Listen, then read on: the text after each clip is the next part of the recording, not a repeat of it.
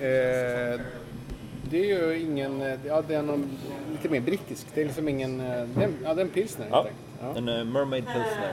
Vad- mermaid, det är väl något... Sjöjungfru. Ja, vad kommer det? Det är amerikanskt bryggeri. Jaha.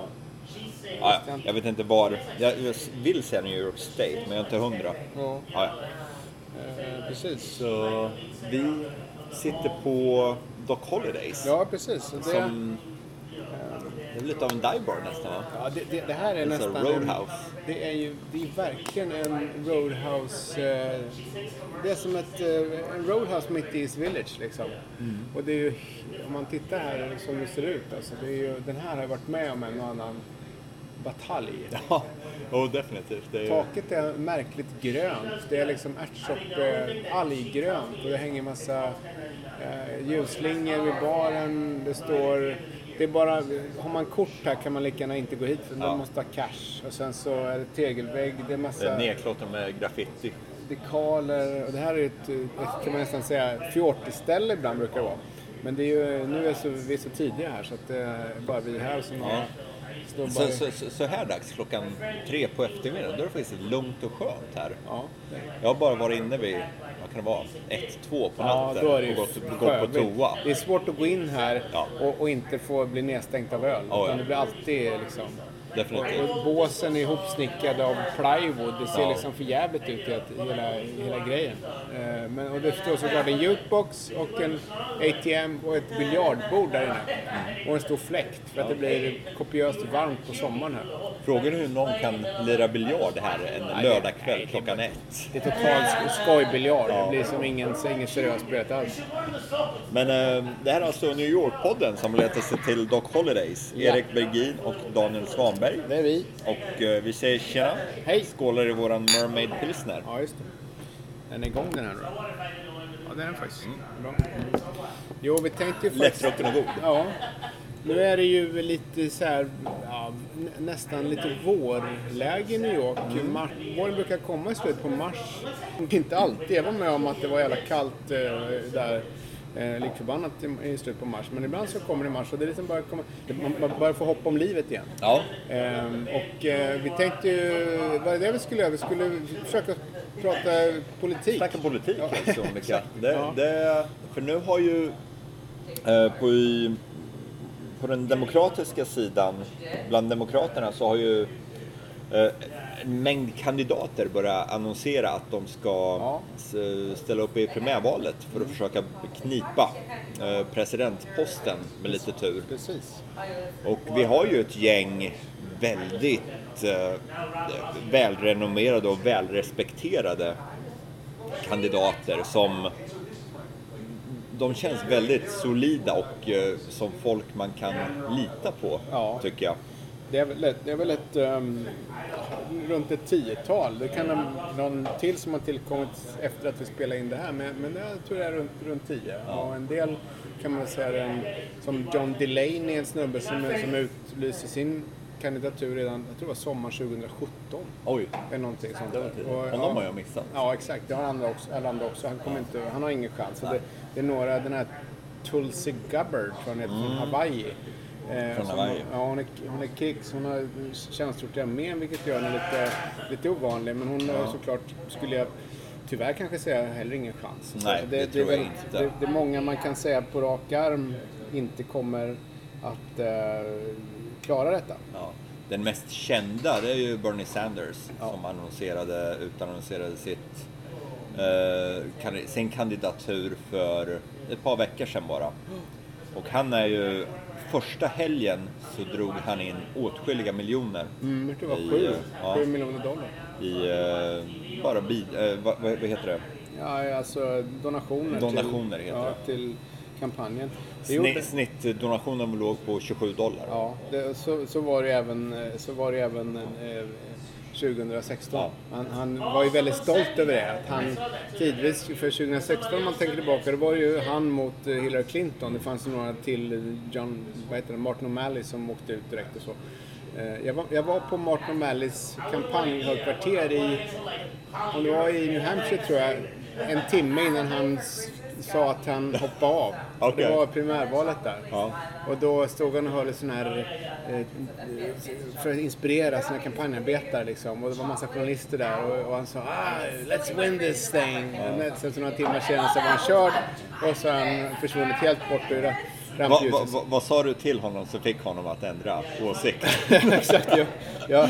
Jag, jag tror inte jag hann snacka med honom så mycket. Men han var, han, han var jag tror han var en före detta guvernör från Maryland eller något sånt där. Och han hade ju inte en chans heller. Nej. Och det, så 2016 var ju Bernie mot Hillary. Och eh, man får väl, höll på att säga nästan, kanske hoppas för Demokraternas skull att Hillary inte stä- ställer upp igen. Men Bernie har ju faktiskt gjort det.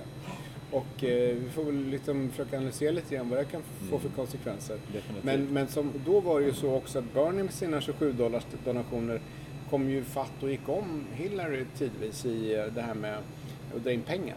Som ju är väldigt, eh, ja, väldigt, väldigt viktigt i amerikansk kampanjpolitik liksom att göra det. Ja, vi har väl aldrig sett någon politiker kampanja så så successful, Nej. så, så, så, vad heter det på svenska? Ja, framgångsrikt. Framgångsrikt som Bernie Sanders Mm. Gjorde 2016. Och Nej. jag skulle tro att det kommer upprepas 2020. Ja, det kan mycket med, med råge. Mm. För nu vet ju folk vem han är. För han var ju en totalt okänd senator från Vermont. Ja. Ändå hade han ju suttit i senaten sedan 90, 90-talet någon Mm. gång. Och sen, innan dess hade han ju varit i representanthuset. Han har ju en lång, säkert 20-30-årig karriär i, i Oh ja. kongressen. Ja. Men, men ändå, så, jag vet jag skrev en analys om det där någon gång, så, såg, så sågs han som något nästan lite nymodigt liksom, i eh, Definitivt. amerikansk politik då 2016. Och det, en del av det finns säkert kvar. Jag, kanske inte att det finns kvar på samma, det är inte samma nyhetsvärde nu kring det. Alla vet ungefär vad han står för. Mm. Alltså han står ju för någon sorts lite nästan socialdemokratisk politik som, Oh ja. som man har hämtat ifrån Danmark och Sverige. Det, det, det, den är ju väldigt vänstervriden, vilket jag som svensk, som, som är van, måste jag säga, vid, vid den här typen av politik, är, jag är helt okej med. Problemet, tror jag, min lilla analys, är att det är väldigt främmande för den amerikanska väljaren. tror jag också. Och det är det som, det, det blir lite för mycket vänster för att den väljaren som står och velar lite, som är väldigt van vid så här, traditionell eh, amerikansk politik, Ja. så blir det lite för mycket vänster. Ja, Vilket, vilket är jävligt synd, för det skulle ju behövas i det här landet med universal healthcare, att ingen behöver liksom skuldsättas bara för att man bryter benet. Nej, och det här och med- kunna gå och utbilda sig Ja, utan det- att det ja, kostar multum. Så Sådana det- grejer. collegeavgiften är ju en stor grej. Det är ju ett liksom, jätte- Vi tar ju det för givet. Det är ett jätteproblem med amerikansk, mm. liksom överhuvudtaget i USA att, att så många har en college degree liksom. Och då- det är för att de inte har råd helt enkelt. Det är jättetragiskt. Eh, Men så det vill ju han ändra på. Men jag, jag tror ju kanske som du säger att det är väldigt, jag menar, det är väldigt stort steg och och, och tänka sig att man, att man skippar det här eh, systemet med individuella försäkringar som ofta arbetsgivaren står för om, om de, man har det och sen, sen har ett helt sån här som det kallas single payer system. Det är ett jättesteg liksom från där USA är idag.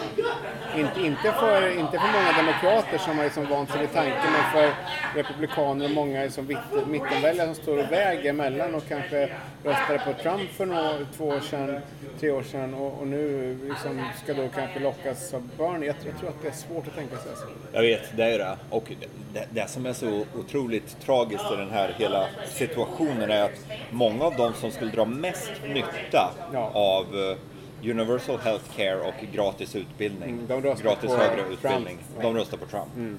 Som står Det är helt... många som röstar mot sitt eget Ja. eh, intresse. Det ser man även på fackförbund. Amerikanska fackförbund har väl i och för sig ibland lite solkig historia. Vissa har haft ihop det med facken eller med eh, maffian och sådär. Men det var ju flera årtionden sedan. Nu skulle ju många grupper i arbetslivet behöva ett fackförbund men de är trots det emot facket. Liksom. Så det, det är en väldigt konstig situation där också. Jag, vet, det, jag har faktiskt ett ganska konkret exempel på just det här hur socialism ses som något väldigt suspekt och eh, att ens frihet tas ifrån en. Ja. För vi svenskar, vi är, jag, jag anser att en svensk är bland den friaste personen som finns. Men det, så ses ju, ses ju inte socialism Nej. här i landet. Och min fru, hon eh, befann sig långt ute på Long Island.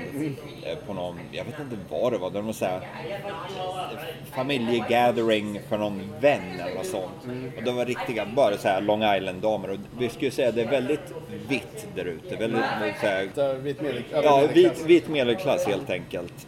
Det är väldigt, eh, eh, väldigt många Trump-röstare där. Och då började hon diskutera med en ja, medelålders eh, 50-årig dam, väldigt trevlig person.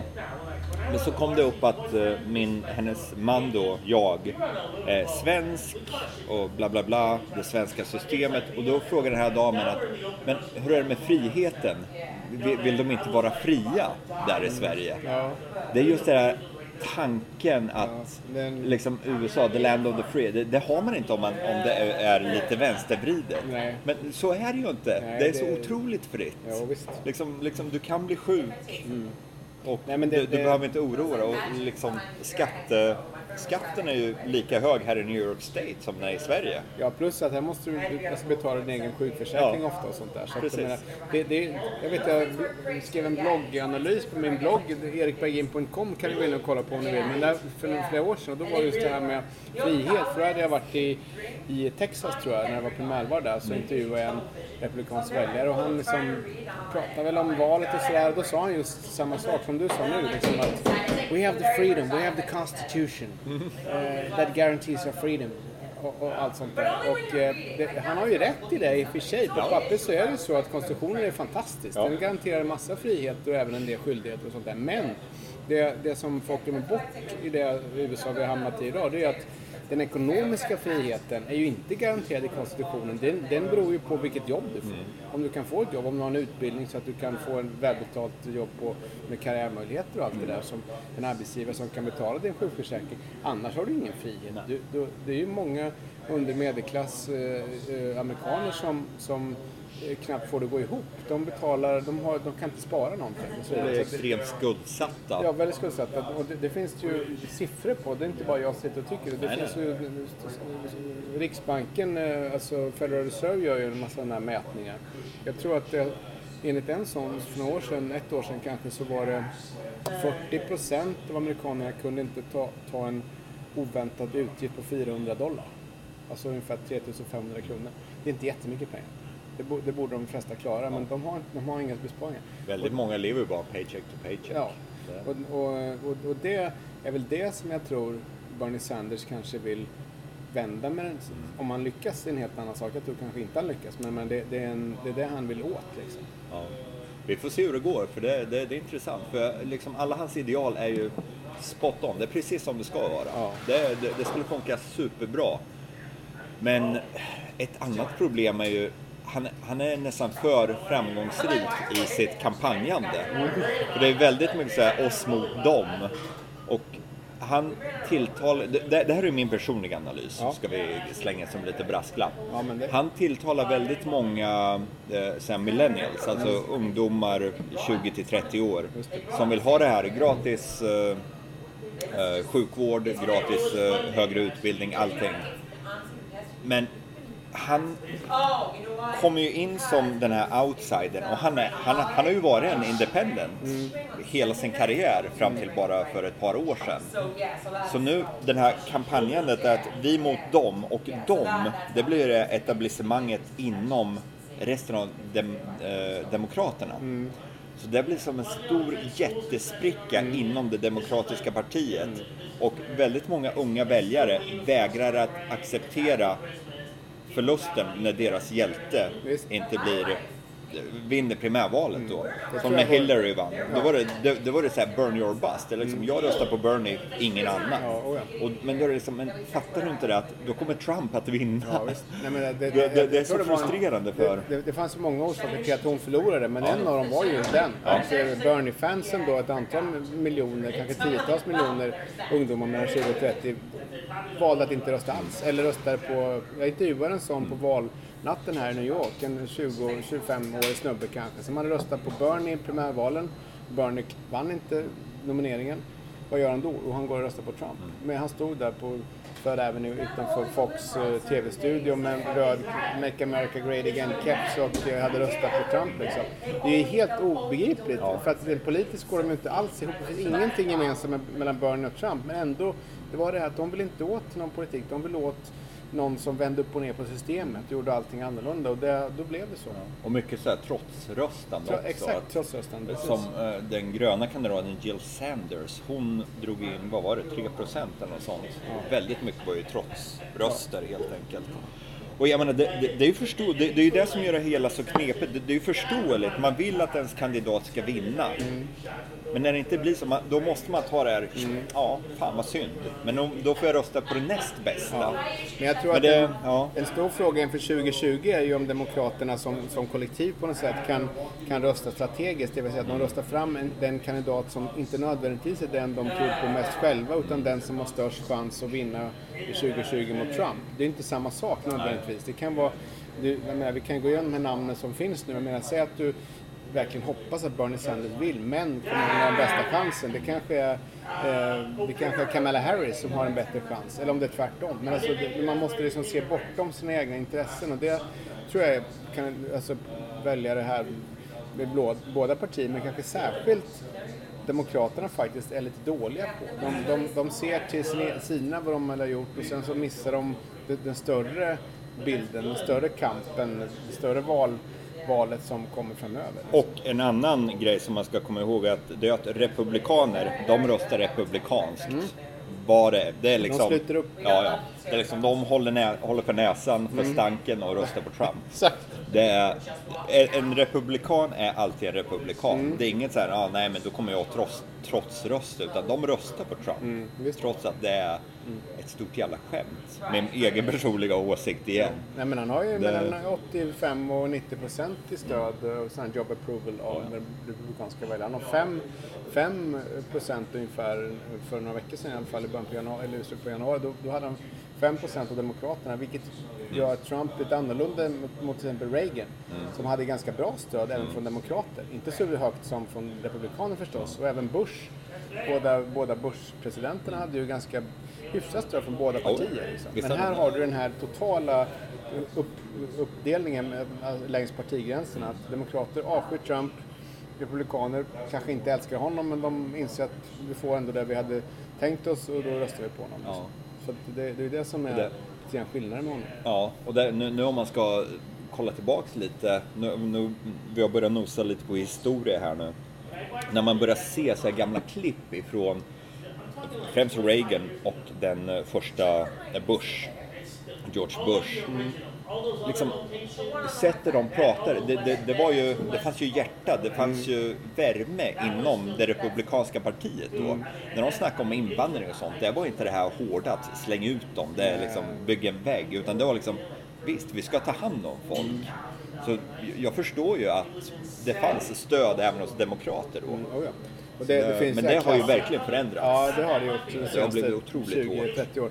Det finns här klassiska soldater från, från Reagan när han beskrev USA som en shining city on a hill. Mm. Liksom, och det är liksom en, en nästan uppenbarelse, nästan lite religi- religiös skimmer.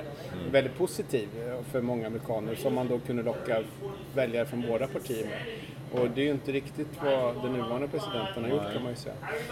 Men eh, ska, ska vi snacka lite om de som har gett sig in i Ja, leken nu? Jag har faktiskt en liten, på min blogg har jag en liten Ja. lista här. Alltså. Vi har ju nämnt Bernie Sanders redan. Mm. Och man, du är ju halvamerikan, du är amerikan så du får ju rösta. Så att man kan ju bara göra en... Bara dra upp de här namnen får vi se hur många som... Ja, precis. Ska, jag börja, ska, ska jag börja lista de som jag vet om? Ja, som gör det, får vi se. Det är Kamala Harris. eh, Hon är alltså senator från Kalifornien. mm, Cory Booker från New Jersey. Just det. ehm, Alla de här demokrater ska vi säga. Ja, precis. Kirsten Gillibrand har väl ställt upp. Just det, från senator från New York. Och har, eh, Elizabeth Warren har också ja, annonserat va? Ja. Mm, Massachusetts. Det är väl de fyra jag vet om faktiskt. Ja. Sen har vi Amy Klobuchar. Mm. Nej, Klobuchar heter hon, senator från Minnesota. Hon fick kritik för att hon har en väldigt hård ledarstil och sådär. Mm. Eh, vi har ju Julian Castro som var den yngsta ministern i Obamas regering. Jaha, okej. okej. Eh, han är väl, jag tror han är 37 och sånt där. Sen har vi då eh, Tulsi Gabbard som eh, sitter i representanthuset för ett distrikt i Hawaii. Från Hawaii. Ja, Hon, hon, är, hon är väldigt kritiserad bland eh, demokrater, har, jag, har jag läst på Twitter. jaha, okej. För väldigt mycket, ja, hon är väldigt, ja, vad ska man säga, ganska NRA-vänlig Ja, ja, på något sätt. Så hon är väl lite mer högervriden än... Ja, vilket de ju inte är i, i, eh, I Hawaii, nej, nej, Det är ju superdemokratiskt. Ja, det är det. Liber- Liberalt fäste. Vi har Pete Buttigieg, borgmästare från en liten stad som heter Big Bend eller sånt där i Indiana. Är han den första eh, homosexuella Ja, jag tror det. Är, kandidaten, öppna. Ja, Öppet precis. homosexuella. Frågan är om Corey, nej han, nej, han är vegetarian. Ja, det. okej. Ja, just det. Eh, men det, så kan det vara, Ja, precis. Det tror jag jag. tror det. Mm. Och sen har vi då John Delaney. Från, han har tidigare suttit i representanthuset för ett distrikt i Maryland som eh, som vi sa i början tror jag, han, ut, han gick, eh, lanserade sin kandidatur i, jag tror det var 2017 eller något. Så han har varit ute länge och, gjort några varv i Iowa. Så han har liksom kampanjat redan? Det har han nog gjort ja, men det är ingen som har, det är ingen, ingen tror att han har någon som helst chans. Liksom. Men av de här, vi ska vi se, det är väl, det är väl tiotal det här som Ja. man räknar upp. Och jag kan ju säga personligen som en person som får rösta, min dream ticket det är ju Kamala Harris med Cory Booker som vice president. det, det skulle Mm, Just vara det. en riktig Ja, det jävla dröm. Ja. Dream come true. Ja. Så. Jag snackade Så- med en statsvetare, en kollega till mig, eh, Therese, hon skrev en, en, en person, personporträtt på Kamala Harris för Mm. eh, några veckor sedan, någon månad sedan kanske. Och då kom vi fram till det här att hon är den enda, förutom Bernie då kanske, Mm. som, som kan dra riktigt stora åhörare. Hon bokar arenor liksom. Till skillnad från många andra som, ja de kan dyka upp på ett sånt här ställe där vi sitter nu och, och ha, ha en, ett rally liksom. Men hon, hon drar mycket folk. Eh, han, det han sa, statsvetaren, en, en snubbe på professor i statsvetenskap på Sonoma University i, i norra Kalifornien som jag har pratat med flera gånger tidigare. Han sa liksom att jo, men han kan, har ju följt henne länge. Hon var ju, Kamala Harris var ju åklagare, stats, delstatsåklagare tidigare. Eh, och sen så gjorde hon något försök att få en senatsplats och lyckas med det. Och eh, sen har hon nu lanserat sin kandidatur. Men hon, han menar liksom att det som talar för henne är ju att hon, hon är driftig och har liksom ett track record hon kan visa upp och så. Men hon har ganska låg, liksom, det man pratar om, name recognition utanför Kalifornien. Eh, men, men det tror jag börjar ändras lite grann. Det, tror- det tror jag definitivt Ja. börjar ändras. Men också, hon- hon, ja. hon, hon har liksom aldrig mött en motgång och, och övervunnit den liksom, utanför Kalifornien, vad menar han på. Men som sagt, hon, nu börjar hon ju bli, förutom Bernie skulle jag säga, så är nog hon den som är mest känd av de som har ställt upp. Ja, och hon är ju väldigt, väldigt snarlik Bernie i sina ideal också känns det som. Hon är lite, lite mer, Hon är inte riktigt lika mycket vänster. nej, Kanske men me- mer än typ den här typiska, mer än Hillary så att Ja, säga. ja precis. Så Sen det- tror jag i och för sig, en, en som möjligen är lika mycket välkänd fast inte lika positivt ansedd så att säga, det är ju Elizabeth Warren. Mm. Som ju är senator från Massachusetts men hon, hon någon gång under 2018 var det så gjorde hon den här, den här hon har hon hävdat i många år att hon har påbrå från eh, ursprungsbefolkningen. Native American. Native American Heritage liksom. Och så gjorde hon, hon släppte ett DNA-test som det blev massa rabalder kring och skulle försöka bevisa då att hon är 13 procent eh, av indiansk härkomst.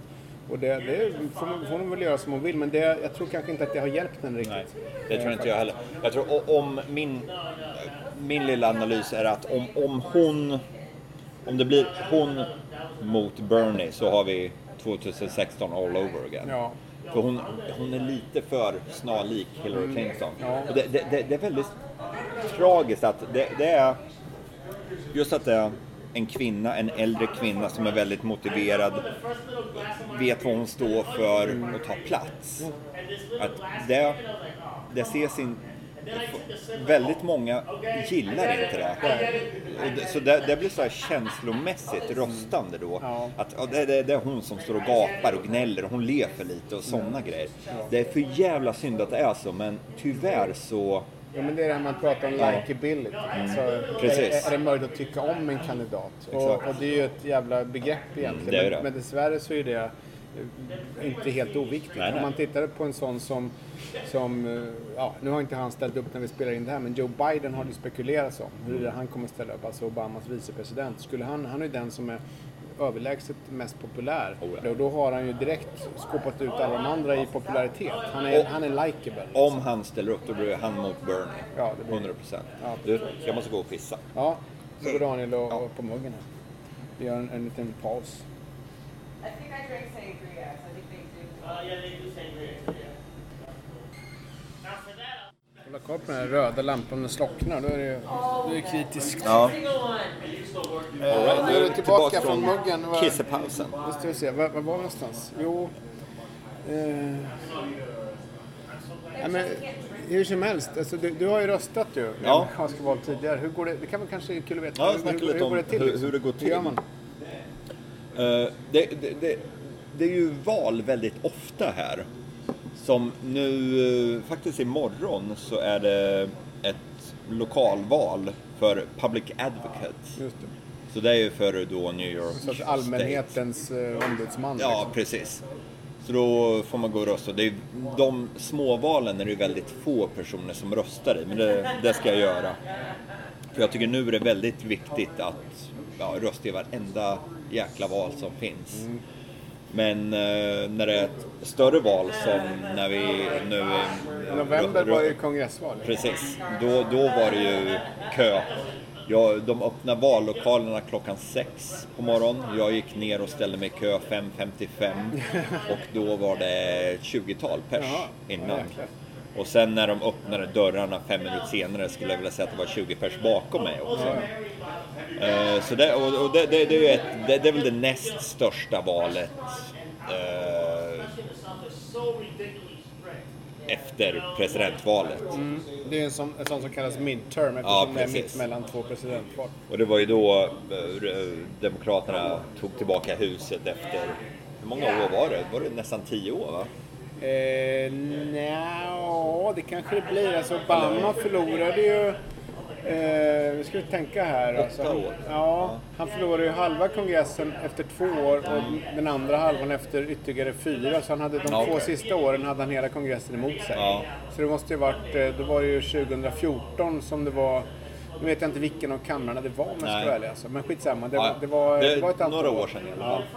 Och eh, hur går det då till? Jo, man går och ställer sig i kö om det nu är kö. Eh, du går in, du, eh, man måste ju registrera sig. Eh, presidentvalet behöver inte vara registrerad demokrat, republikan, eh, Green Party eller independent. Då får du rösta för vem du vill. Är det primärval, och det skiljer sig från staterna, här i New York, då måste, vill du rösta i demokratiska primärvalet så måste du vara eh, registrerad demokrat. det, det är en ganska hård regel för många Ja. stater har ju lite lösa... Det är det. I Kalifornien till ja. exempel. Där, kan du, där får du rösta i primärvalet Lite var du, än, ja, var du än är registrerad som. Men här måste du vara registrerad demokrat för att få rösta. Och eh, det är faktiskt väldigt enkelt. Du går in, vet och ja, det är ofta i en skola eller något sånt, i en stor lokal. De har ställt upp flera små bord beroende på vilket distrikt du tillhör. Och distrikten, eh, ett distrikt är väl ofta två, tre kvarter. Så det är, Här är de ju där, de kan vara jättestora ute Ja, på landet. precis. Då är de ju, för det beror ju på hur befolkningstätt de Ja, exakt. Men så här är det väldigt eh, små distrikt eh, med stor befolkning då. Och eh, vet du inte vilket dis- distrikt du tillhör så innan du går in i vallokalen så att säga kan du gå fram till ett litet bord och säga jag bor på Jaha. den och den adressen och då Ja, ja. kollar de i lista. Ah, du är alltså, du ska gå till eh, bord 7703. Ja, just det. Så går man till rätt bord, då kollar de i röstlängden, du får visa upp ditt lägg så de vet vem du är. Och sen får du sätta din eh, signatur bredvid din ja, röstlängd då. Och det har de ju kvar från tidigare år, så min röstlängd, där är det ju tre, fyra signaturer nu. Och sen får jag, är det primärval så får jag då en demokrat, lista över demokrater. Och så får jag gå bakom en skärm och fylla i. Och det skiljer sig ju från stat till stat hur det funkar här. Här i New York så sätter man bara en liten, en liten prick. Eh, Man fyller i en, ja, en ruta Ja, framför den man vill rösta på. Andra, det är väl så här man, man trycker ett hål med nål och sådana konstiga Det, finns massor, det, det skiljer sig mellan olika delstater och olika counties ibland också. Ja. Faktiskt. Just det där med, med hur, man, hur det går till rent praktiskt. Det har varit, I många år har det varit problem med rösträkningsmaskinerna i Florida till exempel. Som ju en så här Som surdeg. swing state, va? Ja, swing state dessutom. kan gå åt vilket håll som helst. Eh, men du nämnde det primärval, för det är ju också en sån här speciell Ja, men, amerikansk eh, egenhet. eh, eh, Ja, du var inte ja, klar. Nej, jag var inte klar än. Ja, jag kör på. Så du, du fyller i det där, sen lägger du in det i, man får en sån här folder om man inte vill visa upp när man går till eh, scannern eh, hur man har röstat. Så går du fram till scannern och det, det står alltid en person bredvid den och berättar så här gör du. Så vänder de sig lite bortåt lite så får du trycka in ditt papper där. Så kan du sen Jaha, och där registreras det dig- alltså digitalt på något Ja, sätt? precis. Ah, ja, Så piper det till när den är klar och då vänder de sig tillbaka. Ja, du är klar. Så får man ett så här klistermärke där det står. I voted. Ja. Och sen, sen är man färdig. Ja. Kan man gå förbi och köpa eh, bullar eller kakor ifrån. För det är alltid nej, det är ofta på skolor, så då försöker ju skolklasserna dra mynt av det här. Mm. Ja, har de så här bake sale. Ja, det är klart de. Så det, ja, det, det är så det går till att rösta Mm. här i landet. Och jag skulle säga det, här, presidentvalet, då var det kö. Jag var ute tidigt före sex, var förmodligen 5.55 eller något Det var november, alltså november 16 du menar? Ja, precis. Och då var det kö runt halva kvarteret. Mm. Efter att jag hade röstat gick ett varv och då var det kö runt hela Hela kvarteret. jäklar. För alla ville ju rösta i det här Ja, valet. visst. Så gick det som det gick. Ja, Ja, men det, det, är ju, det här med primärval är också en amerikansk egenhet egentligen. För det är någonting som partierna själva egentligen har hittat på. Så det är ju, de inleds ju samma år, år som valet är. Valet är ju i november.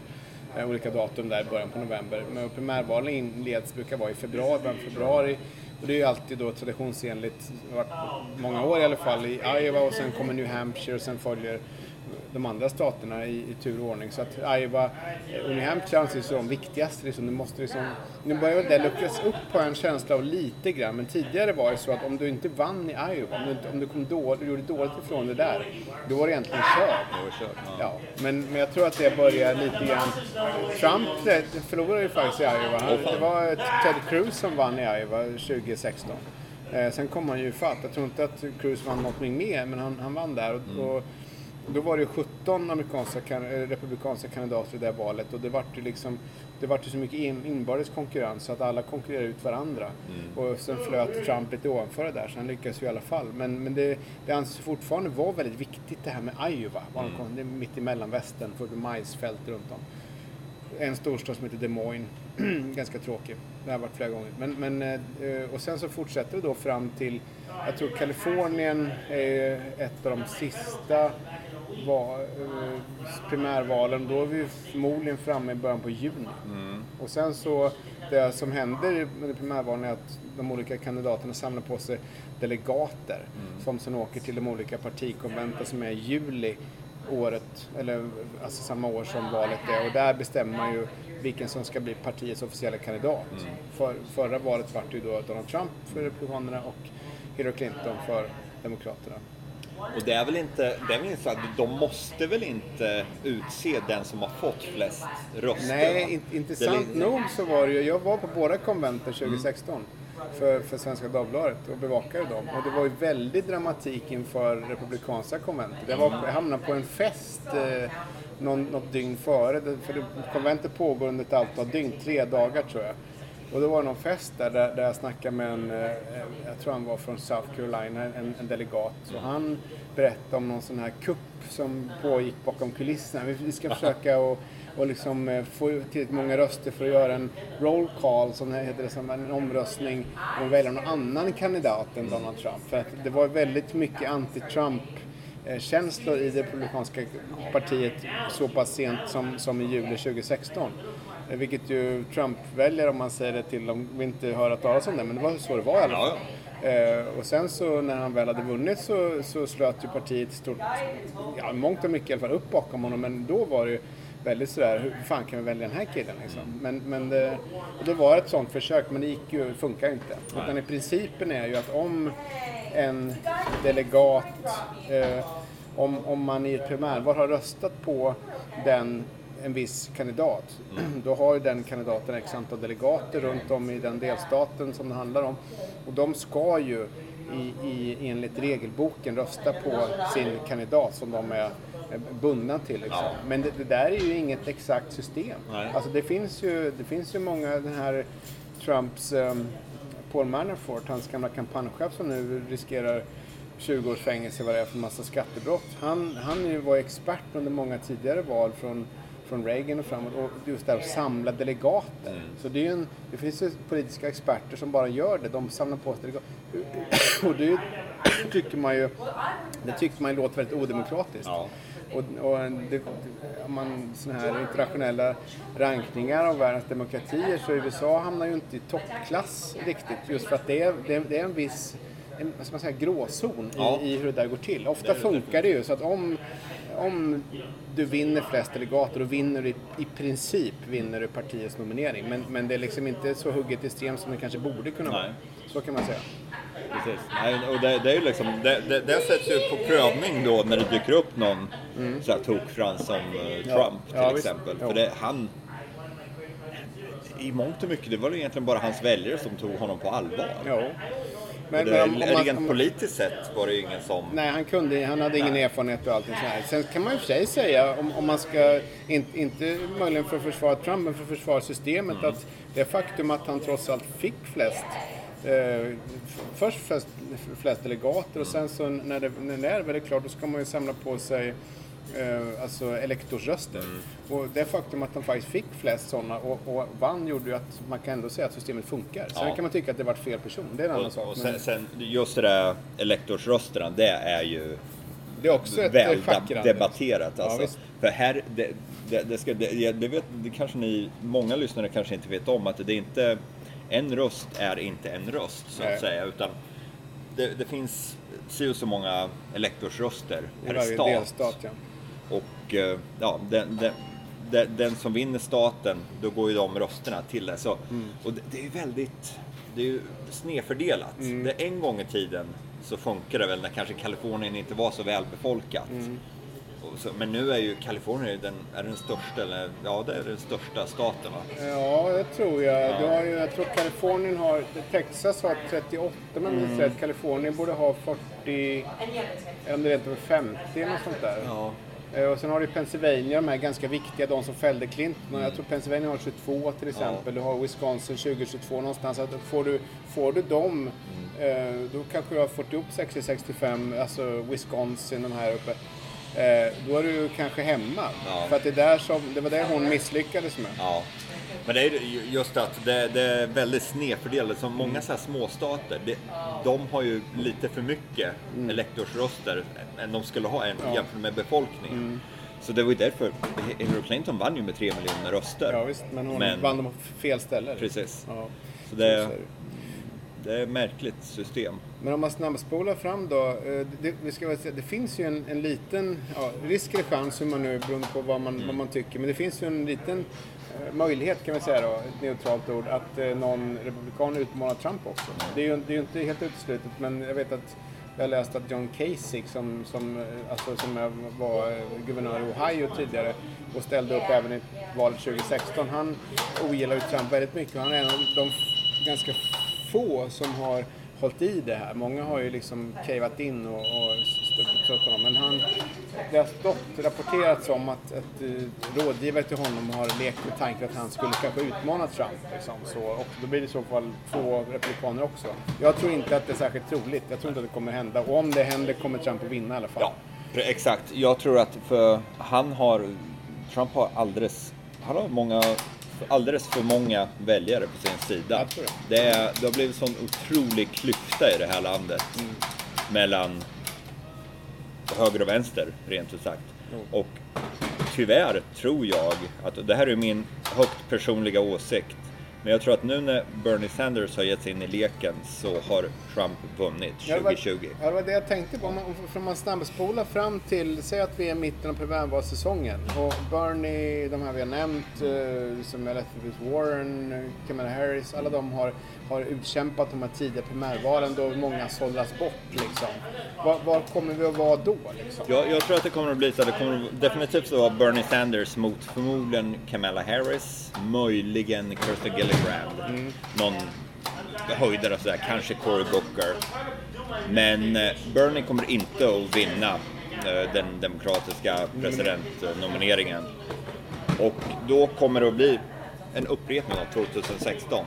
Där folk kommer inte vilja rösta på alternativet och men de, eh, Republikanerna kommer att rösta på sin kandidat som kommer att vara Trump.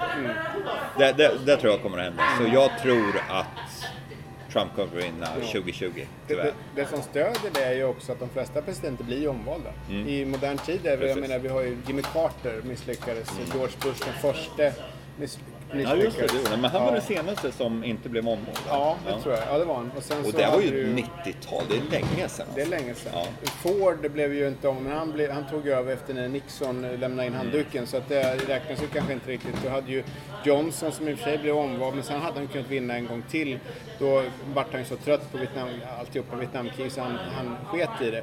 Men i övrigt så har ju de flesta blivit eh, omvalda. Så de sitter ju ofta två perioder. Precis. Och det talar ju för Trump. Ja, Och- definitivt. Och det är väl också så om man ska vara, ska vara krass i efter, efterhand så med Obama åtta år i Vita huset att försöka vinna en demokrat att försöka vinna Vita huset igen då, det, då har man uppförsbacke redan från början.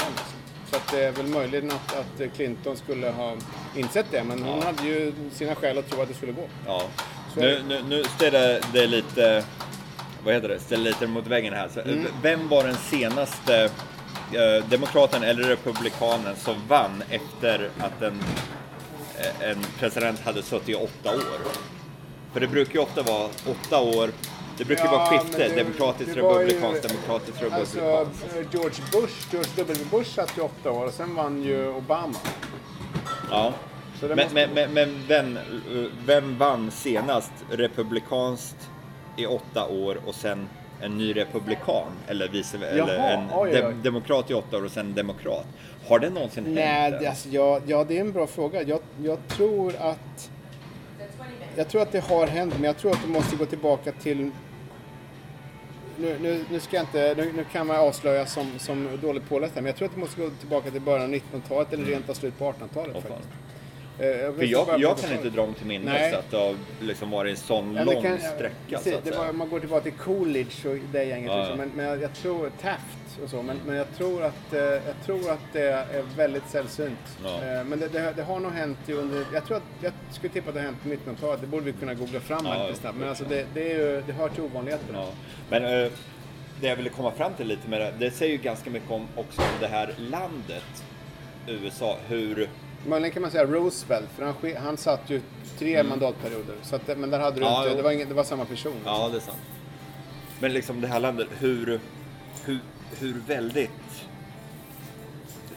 Hur 50-50 det är, Ja. så att säga.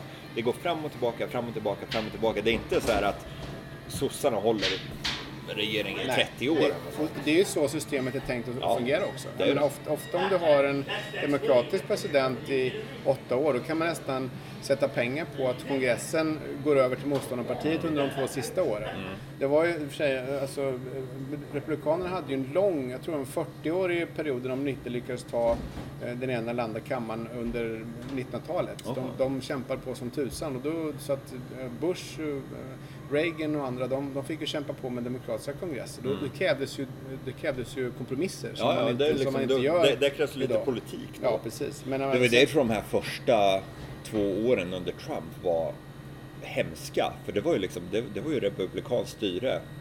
Ja, han fick ju Eh, inte så mycket gjort så, faktiskt. ja. Men väldigt lite gjort med tanke på att han hade de här, Ja, eh, de här, eh, den fördelen. Ja. Ja, nu skulle jag googla fram det här med vem som hade suttit, men nu verkar min telefon ha lagt Ja. av. Ja. Vi får be någon um, statsvetare som lyssnar på det här uh, mejla oss Ja. med inriktning på amerikanska presidenter och Vem, vem som har suttit, eh, suttit mer än, än, eh, än fyra år, eller så att säga partiet Ja, suttit mer än fyra år i, och blivit omvald.